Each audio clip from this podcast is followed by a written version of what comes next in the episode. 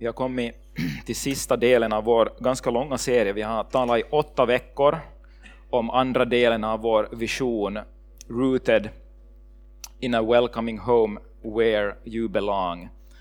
Att vara rotad i ett välkomnande hem där du hör hemma.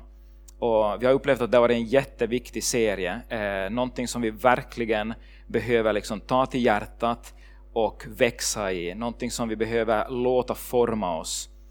Och vi har haft så många viktiga delar, så om du har missat delar av den här eh, predikoserien, om du har eh, missat någon av dem, så gå gärna in på vårt Spotify-konto. Du hittar det på Åbo Metsko. Gå gärna in och lyssna på tidigare predikningar, eller vår hemsida, eller via vår Facebookgrupp. Och, och kolla vilka du har missat, för det finns så mycket som Gud har visat oss att det här är vad en kristen gemenskap är. Det här är hur vi behöver leva, hur vi behöver behandla varandra. Så jag uppmuntrar dig verkligen att, att gå in och lyssna på de tidigare delarna. Jag funderar att hur, hur i hela världen ska jag sammanfatta en åtta veckors serie här idag och, och vad, vad, kan vi liksom tala om till sist eh, under den här serien. Och, och, ett ord kom till mig som, jag vet inte om det sammanfattar allting, det är svårt att sammanfatta allt i ett ord, varför hade vi då en åtta veckors serie? Men ett ord som kom till mig var eh, att Gud vill att vi är en osjälvisk gemenskap. En osjälvisk gemenskap, med allt som det innebär från ett kristet perspektiv.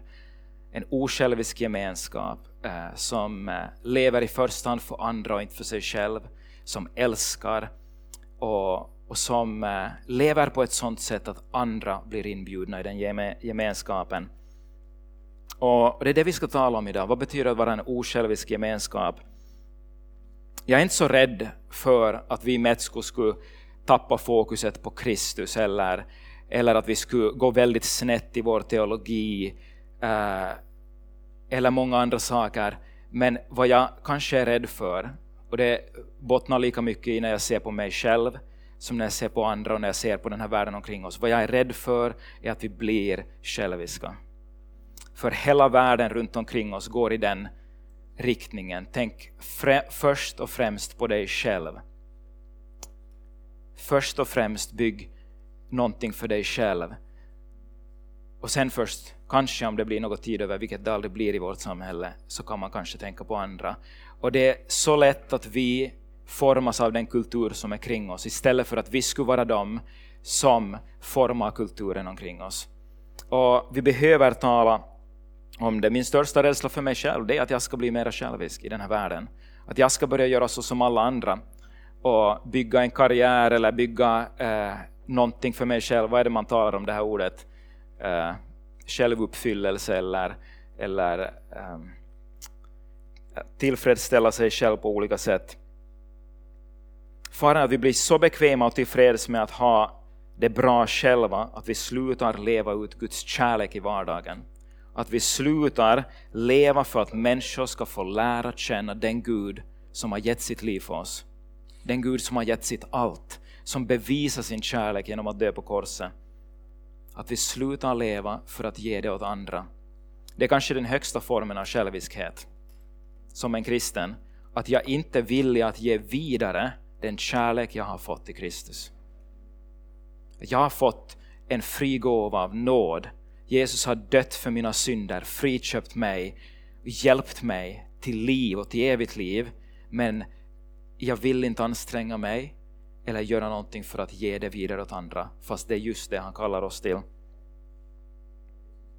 Och Det stör mig oerhört mycket när jag ser på mitt eget liv att, att jag inte tar tiden för att bygga relationer till andra människor så mycket som jag kanske skulle kunna.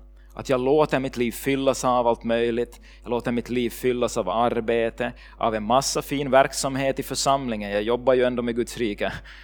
Men jag låter mitt liv fyllas med det ena och det andra. Men det blir så lite tid kvar, personligen eller som familj, att bjuda in människor i den här gemenskapen. Att bjuda in människor att lära känna oss, att lära känna Jesus som har gett sitt liv för dem. Och Jag tror att vi behöver allvarligen fundera på det här personligen, men som gemenskap. Lever vi för att andra ska få lära känna Jesus? Lever vi osjälviskt? ska vi läsa från, eh, från Markus evangeliet 12 och vers 28 och framåt till först. Väldigt centralt bibelställe. Det står så här i Markus evangeliet 12 och 28 fram till vers 34. Står det så här. En av de skriftlärda som hörde dem diskutera fann att Jesus hade gett dem ett bra svar. Han kom fram till honom och frågade, vilket är det största av alla buden? För judarnas liv, speciellt de rättrogna judarnas liv, gick ut på att följa hela lagen till punkt och pricka. Och han frågar Jesus, vilket är det största budet? Jesus svarade, det största är detta, hör Israel, Herren vår Gud, Herren är en, och du ska älska Herren din Gud av hela ditt hjärta, av hela din själ, av hela ditt förstånd och av hela din kraft. Sedan kommer detta, du ska älska din nästa som dig själv. Inget annat bud är större än dessa. Den skriftlärda sade, du har rätt mästare, det är sant som du säger, han är en och det finns ingen annan än han. Och att älska honom av hela sitt hjärta, av hela sitt förstånd, av hela sin kraft och att älska sin nästa som sig själv, det är mer än alla brännoffer och andra offer. När Jesus hörde att mannen svarade förståndigt sa han till honom, du är inte långt från Guds rike. Sedan vågade ingen fråga honom längre. När Bibeln upprepar någonting i samma bibeltext, när den berättar det på det sättet att den upprepar saker. Författaren har ju valt precis vilka delar han tar med. Och när Bibeln upprepar någonting på en så här kort bibeltext två gånger så upprepar den du ska älska Herren din Gud av hela ditt hjärta, av hela din själ och av all din kraft och all, hela ditt förstånd och du ska älska din nästa som dig själv. Två gånger upprepas det, så vill Bibeln verkligen lägga en tyngdpunkt på någonting och visa och liksom understryka om någonstans finns en väg till liv tillsammans med Gud så är här. Så är det här. Här visar Bibeln någonting av en nyckel till livet. När man tar ner allting, uh, jag vet inte ens vad man säger på svenska, when you boil it down, när du tar det till kritan, liksom, vad, vad är det mest centrala, vad är kärnan? Så står det här, älska Gud. Framom allt annat, älska Gud av hela ditt hjärta, hela din själ, allt ditt förstånd och älska människorna omkring dig. Älska Gud och älska människorna omkring dig så som du också älskar dig själv.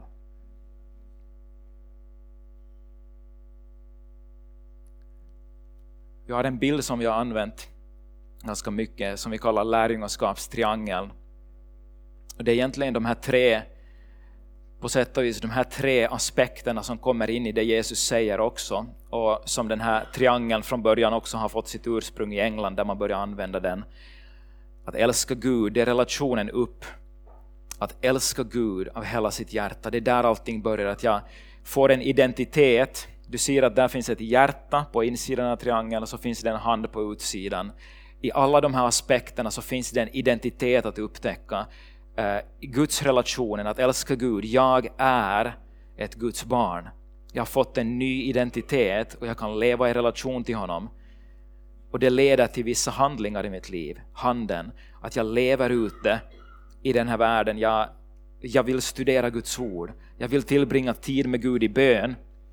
Jag vill lovsjunga och tillbe honom. Jag vill leva i en relation till honom. Och älska andra människor som dig själv. Älska andra människor, det är relationen ut. Människor omkring mig, människor som eh, behöver Jesus, som behöver bli inbjudna i gemenskapen. Och vi har en identitet som världens ljus och det gör att vi vill leva osjälviskt och nå ut till människor. Älska andra som er själva. Det finns en relation inåt och det går förstås i det här Jesu ord att tolka både som relationen till gemenskapen eftersom uh, vi är Guds familj. Vi har en identitet som Guds familj, vi är en gemenskap, relationen inåt, men också förstås att ta hand om oss själva. Ta hand om oss på ett sådant sätt att vi kan älska andra. Älska oss själva till den grad att vi är hela, att vi kan hjälpa andra och älska andra också. Så det finns tre riktningar i det här och ofta är riktningen utåt att älska andra människor, att älska dem omkring oss är det svåraste. Nu talar jag inte bara om gemenskapen här, men att verkligen älska människor utanför vår gemenskap också. Att älska de andra. Det är helt otroligt att den här laglärda säger, om du följde med här i texten, så sa han att älska honom av hela sitt hjärta, vers 33, och av hela sitt förstånd och hela sin kraft och att älska sin nästa som sig själv, det är mer än alla brännoffer och andra offer. Judarnas religion byggde på att de höll lagen och att de offrade alla offer till Gud. Och den här laglärda säger, det här, att göra den här ena saken, älska Gud och älska andra människor, det är mer än alla off, brännoffer och andra offer. Alltså det är mer än allt annat jag kan offra för Gud och säga att, att nu offrar jag det här för dig Gud. Det är mer än alla offer. Ibland kanske vi tänker att jag, jag gör så stora offer för Guds rike och jag kommer att tjäna på, på söndag och jag gör det ena och det andra för Gud. Men han säger att älska Gud och att älska din medmänniska, det är större än alla andra offer. Och Jesus svarar så här, eller det står att när Jesus hörde man, eh, att mannen hade svarat förståndigt sa han till honom, du är inte långt ifrån Guds rike. Alltså den människa som fokuserar på det här, den som gör det här till sitt centrum i livet, är inte långt ifrån Guds rike. Det är ju det som Jesus själv lär lärjungarna att, att be. Låt ditt rike komma och låt din vilja ske här på jorden så som den sker i himlen. Det, det är det som Jesus börjar med att predika. Omvänd er och tro evangelium, till Guds rike är nu här. Var är Guds rike nära? Guds rike är nära där var människor älskar Gud framom allt annat och älskar andra människor. En osjälvisk gemenskap där Gud får vara närvarande. Romarbrevet 13 och vers 8-10 säger så här Stå inte i skuld till någon utom i kärlek till varandra. Ty den som älskar sin nästa har uppfyllt lagen. Dessa bud, du ska inte begå äktenskapsbrott, du ska inte mörda, du ska inte stjäla, du ska inte ha begär och alla andra bud sammanfattas i detta ord, du ska älska din nästa som dig själv. Kärleken gör inte något ont mot sin nästa, Alltså är kärleken lagens uppfyllelse. Det finns många kristna i dagens läge också som är väldigt rädda för att oh, gör jag tillräckligt och, och, och har jag följt allting, tänk om jag har syndat, tänk om jag har gjort det ena och det andra. Men egentligen säger Bibeln att det är ganska enkelt. Du, du kan sätta fokuset på en sak. Älska Herren din Gud av hela ditt hjärta. Älska människor omkring dig. Och sen sätter också kärleken gränser, för den säger älska människor omkring dig så som du älskar dig själv. Det betyder att, att jag måste älska människor på det sättet att jag också kan älska mig själv, jag kan ta hand om mig, jag mår bra, jag sätter gränser så att jag kan fortsätta älska människor. Det är en kärlek som, Gud är gränslös i sin kärlek, men människan är begränsad. Vi är inte gränslösa. Så jag måste också ta hand om mig själv. Och det finns en kärlek i det, inte att leva själviskt, men att sätta sådana gränser för mitt liv. Älska människor och älska mig tillräckligt mycket så att jag kan fortsätta älska Gud och andra människor. Att jag inte blir utbränd, inte går över mina egna gränser. Men det är inte en bortförklaring för att inte behöva göra någonting för att tänka nej men jag måste nu först lära mig att älska mig själv och undra om jag älskar mig själv. Jag, jag kan inte ännu börja älska andra. Men det finns gränser där. Galaterbrevet understryker detsamma, ty i Galaterbrevet 5 och 14, ty hela lagen är uppfylld i detta enda bud, du ska älska din nästa som dig själv. lagen är hundratals sidor. Hela eh, Toran, alltså fem Moseböckerna, det är hundratals sidor. Och det finns så mycket lagar och regler. Vad är det de har räknat till? Att det finns något på 700-800 lagar och regler som ju, rätt trogna judar ska följa. Och Jesus tar ner det, Bibeln tar ner det i Nya Testamentet till att älska. Du ska älska din nästa som dig själv. Det är lagens uppfyllelse. Hur skulle vår gemenskap se ut om vi skulle bli tända av Guds kärlek, att se människors liv bli förvandlade? Om vi skulle börja leva så som Jesus och Bibeln kallar oss, leva för andra för att de ska få lära känna Jesus. Många känner säkert till Frälsningsarmén. Man ser dem kanske mest eh, före julen när de har sina grytor ute och de samlar pengar för att kunna betjäna fattiga familjer och föra ut mat, eh, julklappar, annat och ta hand om fattiga familjer. Det är en otrolig social verksamhet som Frälsningsarmén eh, gör. Alla känner till Frälsningsarmén, ungefär. Det är en annan eh, frikyrklig rörelse kan man säga. Eh, deras ledare William Booth startade eh, Frälsningsarmén och han var metodist från början men han upplevde att man behöver göra mera för de utstötta, för de utanför församlingen. Man behöver göra mera för att hjälpa människor och framförallt för att hjälpa människor till frälsning. Så han startade Frälsningsarmén och de ordnar sitt, sin verksamhet nästan som en armé, de har militärgrader, de är officerare, prästerna där är officerare och så vidare. Och, och varför gör de det här? De kallar sig Frälsningsarmén. Det är för att de är på ett uppdrag. De har gjort det till sitt mål att se människor bli frälsta och hjälpta. Det var en otroligt livskraftig rörelse som satte igång på 1800-talet. Här är William Booth redan är ganska gammal och ni ser S på hans krage som står för Salvation Army. Och varje år brukar William Booth skicka ut ett telegram till hela sin organisation över hela världen. Skicka ut ett uppmuntrande telegram och peppa människor och uppmuntra dem att fortsätta jobba för människors frälsning och för att hjälpa så många som möjligt. Och I början av 1900-talet var den då samlade till ett konvent och tusentals människor var närvarande för att tillsammans uppmuntras för det, det här viktiga jobbet som de hade eh, för själans frälsning. Och William Booth kunde inte vara med på det här konventet för han var redan ganska sjuk. Det var kring 1910. Eh, han var ganska sjuk, han låg i sängen, han hade blivit invalidiserad och han kunde inte resa dit. Så hans eh, efterföljare kom och frågade ska du skicka ett telegram i år till konventet också. Och samtidigt var de i en ekonomisk kris. Så de hade inte mycket pengar och han ville göra allt för att spara organisationens pengar så att de med pengarna skulle kunna göra så mycket som möjligt för människors frälsning. Så han funderade, hur kan jag skriva ett så kort telegram som möjligt men ändå uppmuntra dem att leva vidare med den här kallelsen, att leva för andra och se människor bli frälsta. Så han skrev ett telegram, han sökte efter orden och han skrev ett telegram och när han skickade ut telegrammet och de öppnade för att läsa det på det här konventet och runt om hela världen så var det bara ett ord i telegrammet. Det stod bara others! utropstecken. Och så var det signerat general Booth. Han fick ner det till ett ord och han sa bara others, andra, andra människor.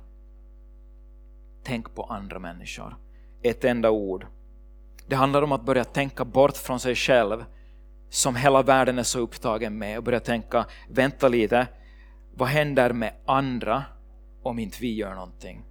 Vad händer med andra om inte vi är en sån gemenskap som når ut till dem och som lever för att de ska bli frälsta? Inte sätta sig själv först och fundera, jag undrar hur det går med mig om jag engagerar mig, jag undrar hur det går med mig om jag gör det och det. Vad får jag månne för vinst? Vad får jag för fördelar? Vad har ni för bonusprogram om jag går med i församlingen? Inte tänka på det utan vänta lite, vad kan jag göra för andra?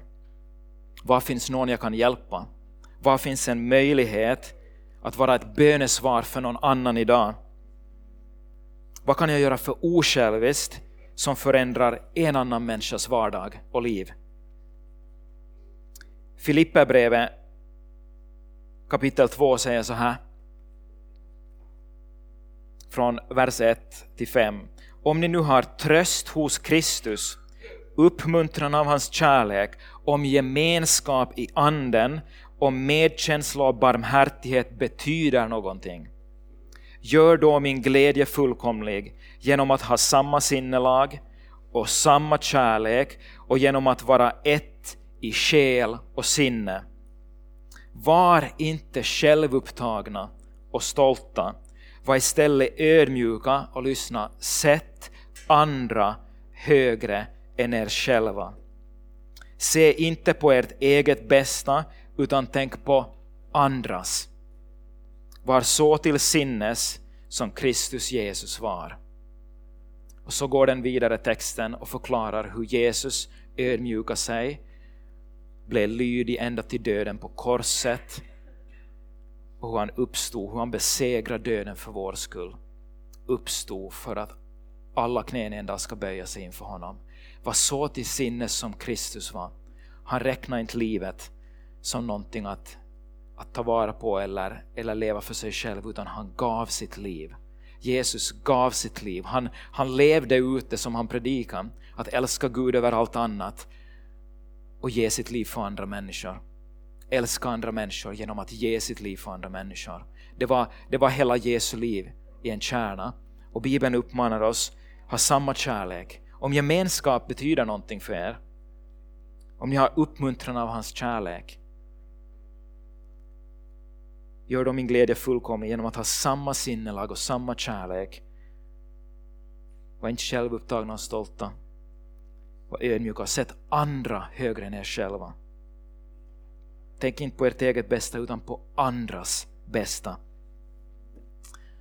Frälsningsarmén gick väldigt långt och de tog det här ordet others som sitt, eh, vad ska man säga, som sitt motto, som sitt sådär stridsrop. Alltid när de möttes, kanske på gatan, så sa de åt varandra others. Och när de jobbade tillsammans eh, för eh, fattiga, för hemlösa så sa de åt varandra others. Och när de gick ut för att predika på gatorna och vinna människor för Guds rike så sa de others. Det här blev deras eh, stridsrop, det blev deras motto.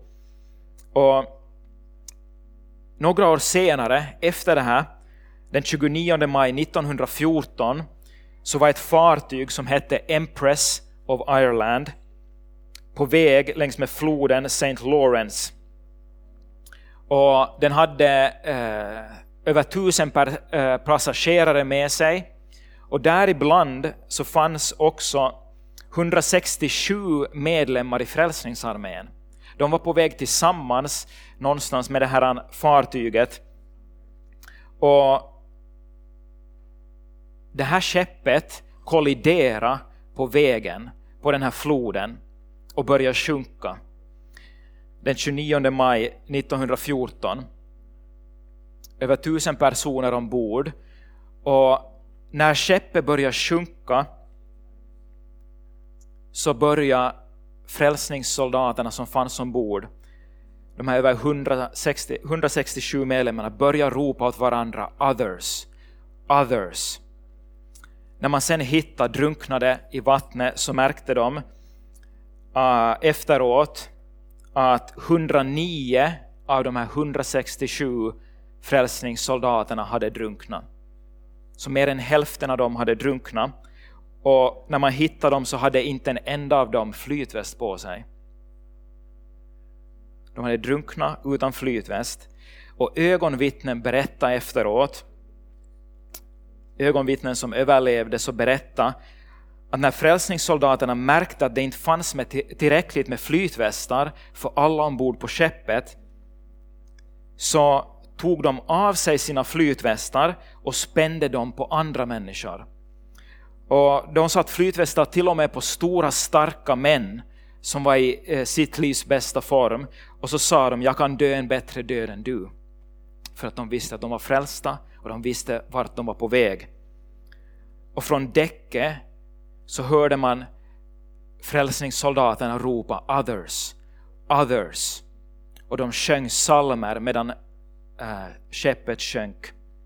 Och de satt flytvästar på andra.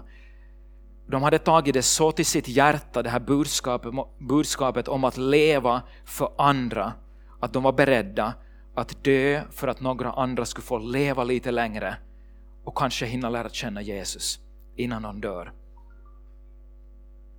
Others. Jesus säger så här, Johannes 13.34, ett nytt bud ger jag er, att ni ska älska varandra. Så som jag har älskat er, så ska också ni älska varandra. Om ni har kärlek till varandra ska alla förstå att ni är mina lärjungar. Han säger så som jag har älskat er, så som jag gav mitt liv för er, för att frälsa er, så kallar jag er att älska andra. Och älska varandra. Han kallar oss in i en kärlek att våga tänka, vänta lite. Hur skulle mitt liv se ut om jag skulle ordna det kring att älska Gud av hela mitt hjärta och att älska andra så som jag älskar mig själv. Men jag skulle ordna mitt liv så att jag skulle hjälpa så många som möjligt till honom. För sanningen är den att Jesus uppoffrar allting. Han gav allt. Och många gånger när vi tänker att är det där för mycket begärt och jag orkar inte, så går vi miste om den djupa sanningen och den andliga hemligheten att det är när jag förlorar mitt liv som jag hittar det. Jesus säger att det finns en nyckel i det, att när jag går, stiger över den där gränsen, har jag en mattgräns lämpligen, när jag stiger över gränsen och säga nu lever inte jag längre för mig själv, utan Kristus lever i mig. Och det liv jag lever i min kropp så lever jag inte för mig själv utan för Kristus som har dött och uppstått för mig. Så som Galaterbrevet säger, när jag stiger över den gränsen, det är där som Guds kraft börjar flöda också. Det är där som jag lever och upplever ett nytt flöde av liv i mitt liv. Så länge jag håller tillbaka och lever för mig själv så kommer också jag hela tiden att uppleva det jobbigt. Det kommer att vara en kamp inom mig. Ja, ah, men hur mycket ger jag åt Gud och hur mycket håller jag själv? Uh, ah, ger jag nu för mycket? Eller liksom, så länge jag håller tillbaka så finns det någonting av det här att det är en kamp hela tiden. Det är lite jobbigt. Det var en pastor som sa åt mig att det blir så mycket enklare Stefan om du bara vågar ge dig helt.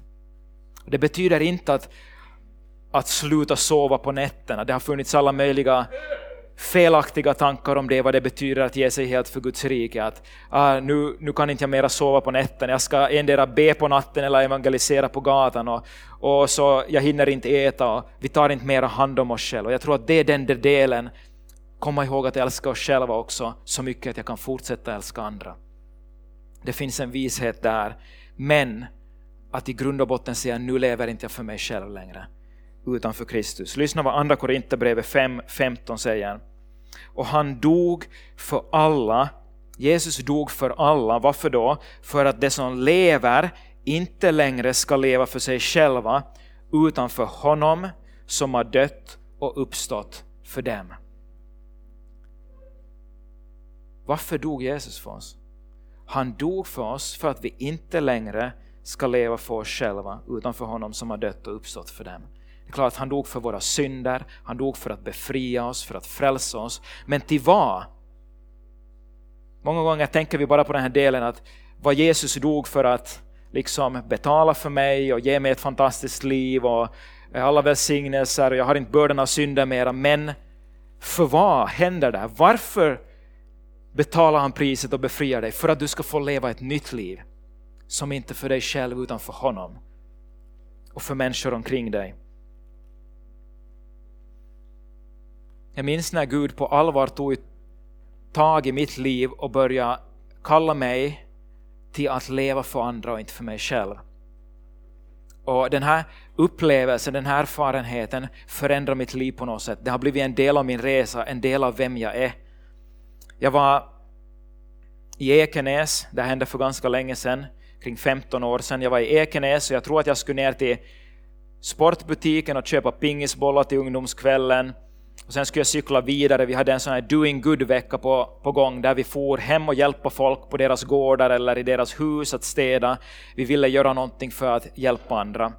Så vi var i den här mentaliteten att nu gör vi någonting, den här veckan gör vi någonting för andra. Och när jag cyklade från den här sportbutiken, eh, det var kanske så att jag cyklade först för att hjälpa någon i deras hem och vi drog upp eh, ogräs och sånt. På gatan när jag cyklade ner för jag cyklar ner för gågatan, det här är inte en bra exempel, men i varje fall. Jag cyklar ner för gågatan, emot mig kommer en man klädd i läderbyxor, läderjacka, långt grått hår, väldigt slitet ansikte. Eh, så eh, ganska gammal ut tyckte jag. Men det, det, konstiga var att hans ansikte och hela hans skepnad fångade mig med en gång. Jag såg honom bara några sekunder när jag for förbi med cykeln.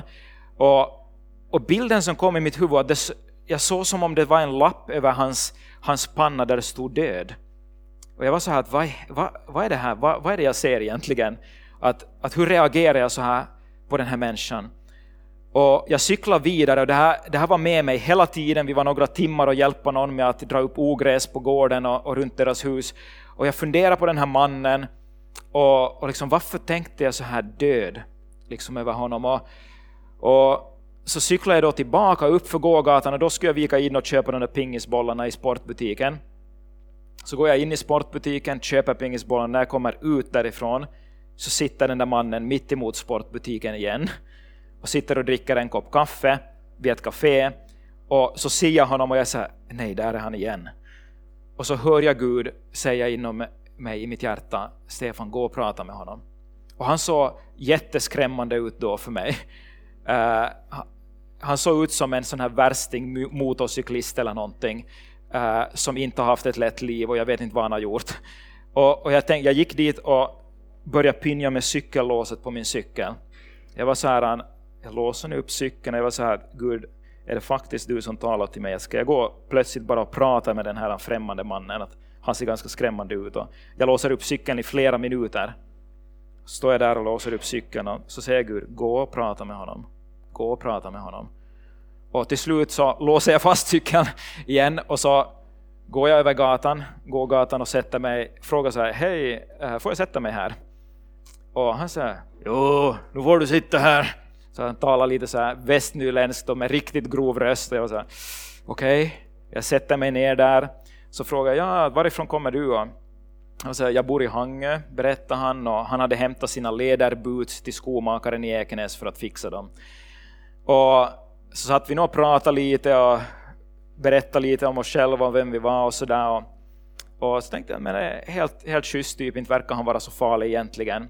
Nå, vi bytte telefonnummer, men sen hann, hann jag aldrig ringa honom. Vi möttes på ett tåg nästa gång, kanske någon månad senare, så såg jag honom igen på ett tåg. Och då upplevde jag som att det är någonting med det, jag har aldrig träffat den här mannen tidigare, men Gud på något vis påminner mig och vill att jag håller kontakt med honom och, och liksom bygger en relation till honom. Och jag tror att jag var rädd att ta kontakt med honom, därför hade jag inte ringt honom. Men efter det här så började vi hålla kontakt. Och Reino hette han, jag kan sätta upp en bild här på Reino som jag hittade på min dator. Den här bilden tog jag ganska eh, i slutet, kanske kring eh, våren 2012 eller, eller hösten 2011 på Reino när jag var hemma, till honom, hemma hos honom. Och vi fick en ganska bra relation. Jag började fara hem till honom och hälsa på honom. Han hade på riktigt inte mycket, alltså han hade inte många samtalsämnen, han hade inte mycket pengar, han hade sin bostad och sin motorcykel. Och jag brukar fara dit, bjuda honom på pizza, eh, satt vi och pratade en stund, for vi hem till honom och så satt vi och pratade om allt möjligt som var intressant för honom. Musik, musik, gitarrer, eh, hans liv, vad han hade gått igenom i livet. Under många år så träffades vi. Sen började vi som familj. Jag frågade min familj där hemma i Ekenäs. Eh, vi, det var inte så många av oss bröder som hade sällskap. Jag frågade att, att hej, hur skulle det vara Tänk om vi skulle göra någonting som familj för den här mannen. Att, skulle ni vara okej okay om Reino skulle komma och fira jul med oss ibland? Och de var så här, absolut, ta med honom hit. Så blev det en tradition.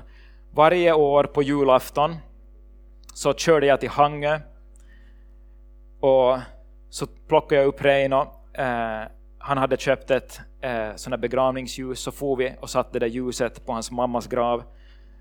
där i Hangö och sen körde vi till Ekenäs och han kom hem till oss och åt julmiddag med oss. Eh, vi hade köpt julklappar åt honom och han hade alltid köpt med sina små pengar någonting som han kunde komma på, hade han köpt åt oss. Det var inte eh, de här mest passliga julklapparna på något sätt, men han hade visat att det här, det här uppskattar jag. Det här betyder någonting för mig. Och, och sen körde jag på kvällen honom tillbaka till Hangö. En timme tog det av och an att köra. Så jag satt två timmar av min julafton i många år för att hämta honom, ta med honom och dela julmiddag med honom. Och med tiden blev vi riktigt goda vänner. Jag har många goda minnen av det när han en gång hade köpt en svirvelrulle och vi for, med, for ut och fiskade på klipporna utanför Hangö.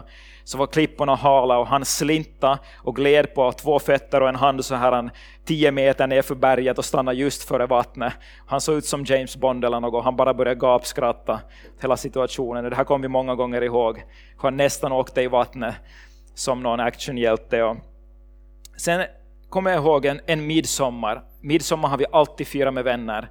En midsommar så tänkte jag, vänta lite, jag firar varje midsommar med vänner. Vem, jag undrar vem Reino firar midsommar med. Jag undrar om han har några vänner alls att fira midsommar med. Han hade inte jättemycket vänner eller bekanta och med många hade han dåliga relationer. Så jag ringde honom och frågade att Reino, med vem brukar du fira midsommar? Så han sa ja, no, den och den brukar ibland komma hit och dricka en öl eller något sånt här. Han hade inte någon. Den midsommar skulle han fira ensam. Och det går inte oftast så bra om en människa är ensam med alkohol och så vidare. Så jag sa, Reino, vet du vad, att den här midsommaren så, så ska jag fira med dig. Att jag kommer till Hangö så firar vi midsommar tillsammans. Så jag lagade själv en hemgjord potatissallad och tog med biffar och korv och köpte en engångsgrill och, och for till Hangö. Och, och så firade vi midsommar. Vi åkte ut till någon strand till något naturskönt område där utanför Hangö och satt där och grillade korv och, och åt potatissallad. Och, och han var bara så att det här är helt otroligt gott. Jag var så ja det är min mammas recept och det brukar funka. Och så sa han mitt i allt, det var första gången någonsin efter många år av relation som han började tala om känslor. Han var så där att Stefan, ingen har gjort sånt här för mig förut i mitt liv. Inte mina föräldrar, inga vänner, ingen har gjort sånt här som du gör.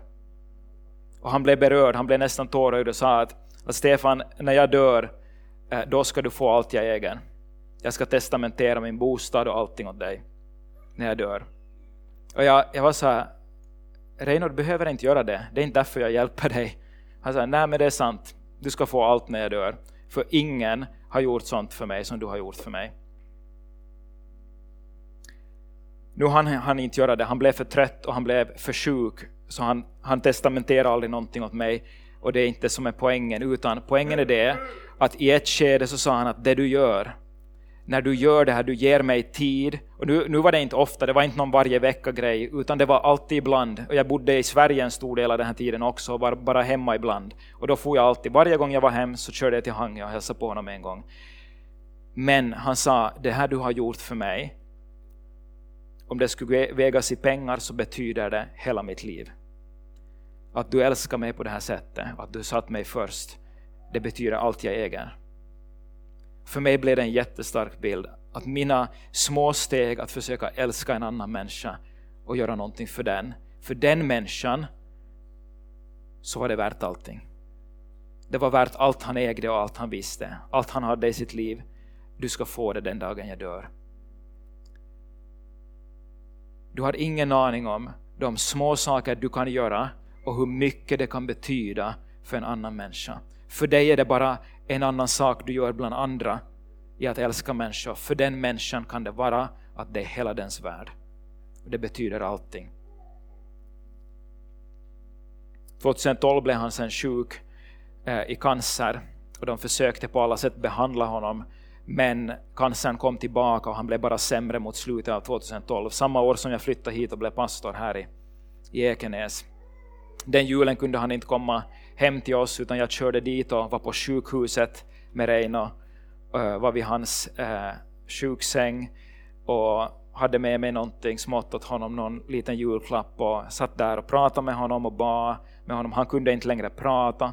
Han hade tappat, han hade en tumör i hjärnan då, först i lungorna och sen i hjärnan. Han kunde bara gensvara med ögonen och med små ljud. Mm, mm. Och jag satt och bad med honom och var där i flera timmar och, och tog tid med honom. Och följande gång de ringde, eh, precis eh, i mellandagarna, så hade han gått hem till Herren. Men jag hann be, den sista gången jag träffade honom, så hann vi be och jag frågade Reino, vill du komma till himlen? Vill du lära känna Jesus? Och som jag uppfattade från hans ögon och hans ljud så ville han det. Och han ville att jag ber med honom. Och jag var den sista som var där före han dog och jag var den första som var där efter att han hade dött.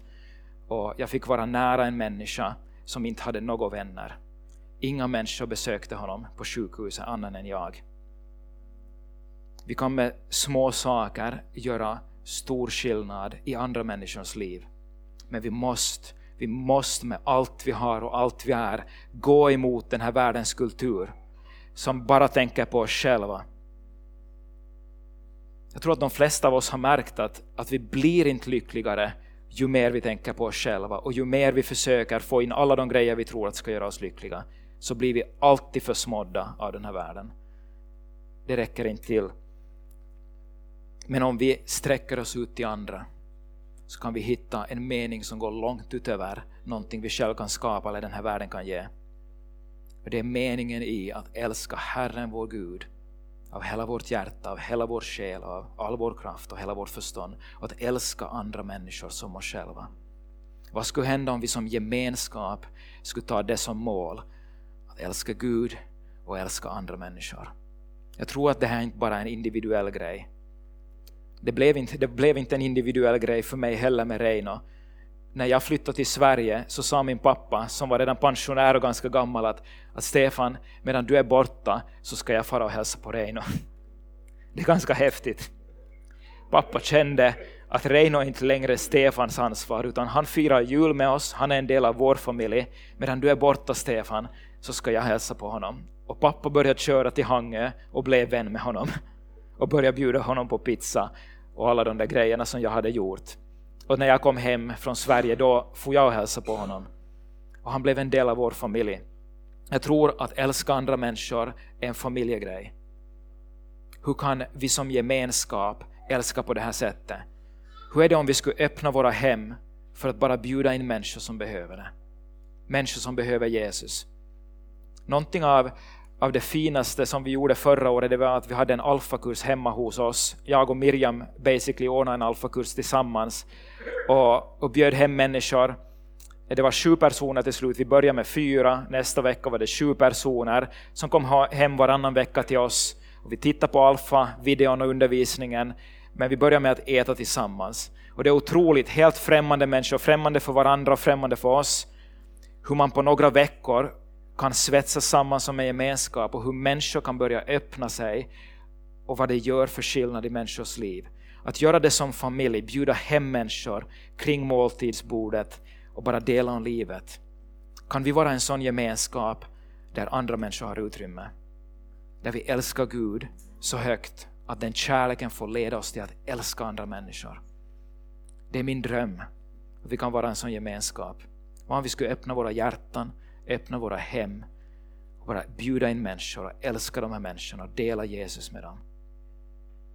Då kan den här gemenskapen nå ut till den här världen. Då kan vi bjuda in andra människor. En, en gemenskap som är rooted in a welcoming home where you belong. Det betyder också en gemenskap som bjuder in nya människor att bli rotade där en gemenskap som bjuder in andra att bli rotade där.